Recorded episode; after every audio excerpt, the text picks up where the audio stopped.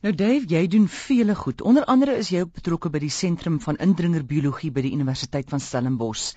Gee ons 'n idee, wat doen indringerplante en organismes aan die biodiversiteit van Suid-Afrika?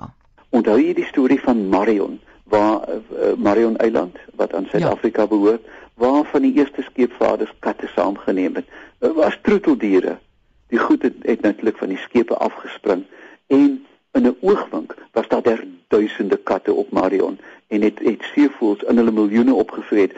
Dit het bykans 80 jaar geneem om ontslae te raak. Die katte het wild geword en hulle moes um, moes uitgeroei word een vir een.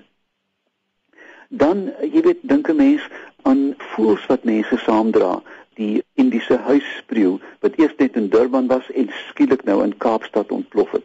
Wat doen jy daaraan? Want hulle maak nessies skoon, hulle vreet eiers, hulle steel. Ons dink aan rotte, ons dink aan mossels. Elke skip wat in Suid-Afrika se hawe binnekom, dra organismes in die ballaswater wat hulle onder dit het. Dit word onoordeelkundig uitgepomp en skielik is daar 'n nuwe mossel, 'n nuwe wurm wat die hele hawe of dalk die kus se ekosisteem kan oorneem. Daar's 'n nuwe geur van ertwurmplase.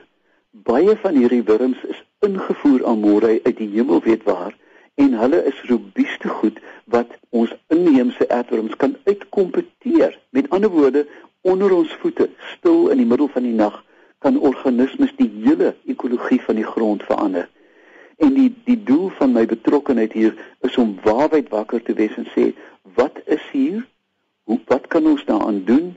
Maar bovenal, waarvoor moet ons oppas? Ons voorspel dat 'n eekhoring uit Suid-Amerika as hy hier land verwoesting kan saai.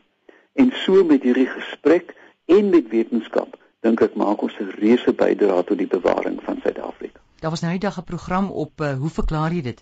Hulle het gepraat oor die 10 slimste diere op aarde en die vark was een van hulle.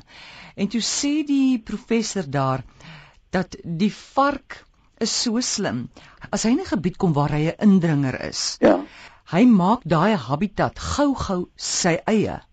Laat die ander diere wat nie indringers daar is nie net tot hulle ongemaklik voel.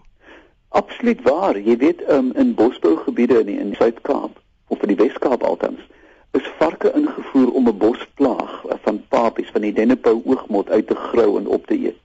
Amore Hulle het ontwikkel oor 115 jaar na varke direk uit die hel. Jy het nog nooit sulke goed gesien nie.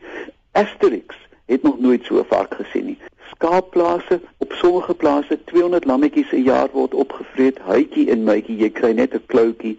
Hulle eet die geom bedreigde geometriese skilpad op. Ja, selfs 'n vark, jy weet, hierdie buikenvark wat hierso wat mooi en maak hom wild en laat hom los mm. en hy raak 'n verwoestende dier. So ons moet heeltyd op ons hoede wees. Selfs selfs die spekvark kan 'n hmm. bedreiging inhou. Hoe raak bedreiging van 'n indringer ons lewens wat hier in die stad bly? Dit raak ons nie direk in die sin dat ons skielik gaan begin hoes van 'n luis wat van 'n voeltjie afvang nie. Hmm. Maar dit maak 'n impak op die groot omgewing wat aan die einde van die dag ons siele voed aan môre en vir ons water en kos en skoon lug gee.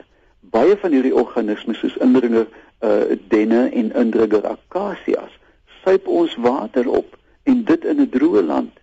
So, die impak is altyd sekondêr, maar dit kan absoluut oorweldigend groot wees. Ek dink aan al die bloekombome in die Kaap. Die hele wêreld is vol bloekombome. Nou ja, ons moet nou nie bosbou aanval nie, want hulle is beperk.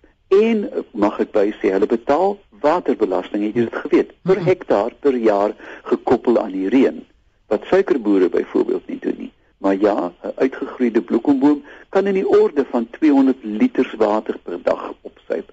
So ons moet begin dink aan waar ons wat plant en wat ons waarheen skuif. Selfs binne 'n kontinent soos Afrika, kikuyu kom uit Kenia, maar hieronder is hy 'n indringer. Dis nie so maklik soos dit lyk nie, Amore. Daar's veel slaggate as jy goed begin rondskuif op die aarde. So gesels Dave Peppler en jy kan hom kontak by oompie by iafrica.com.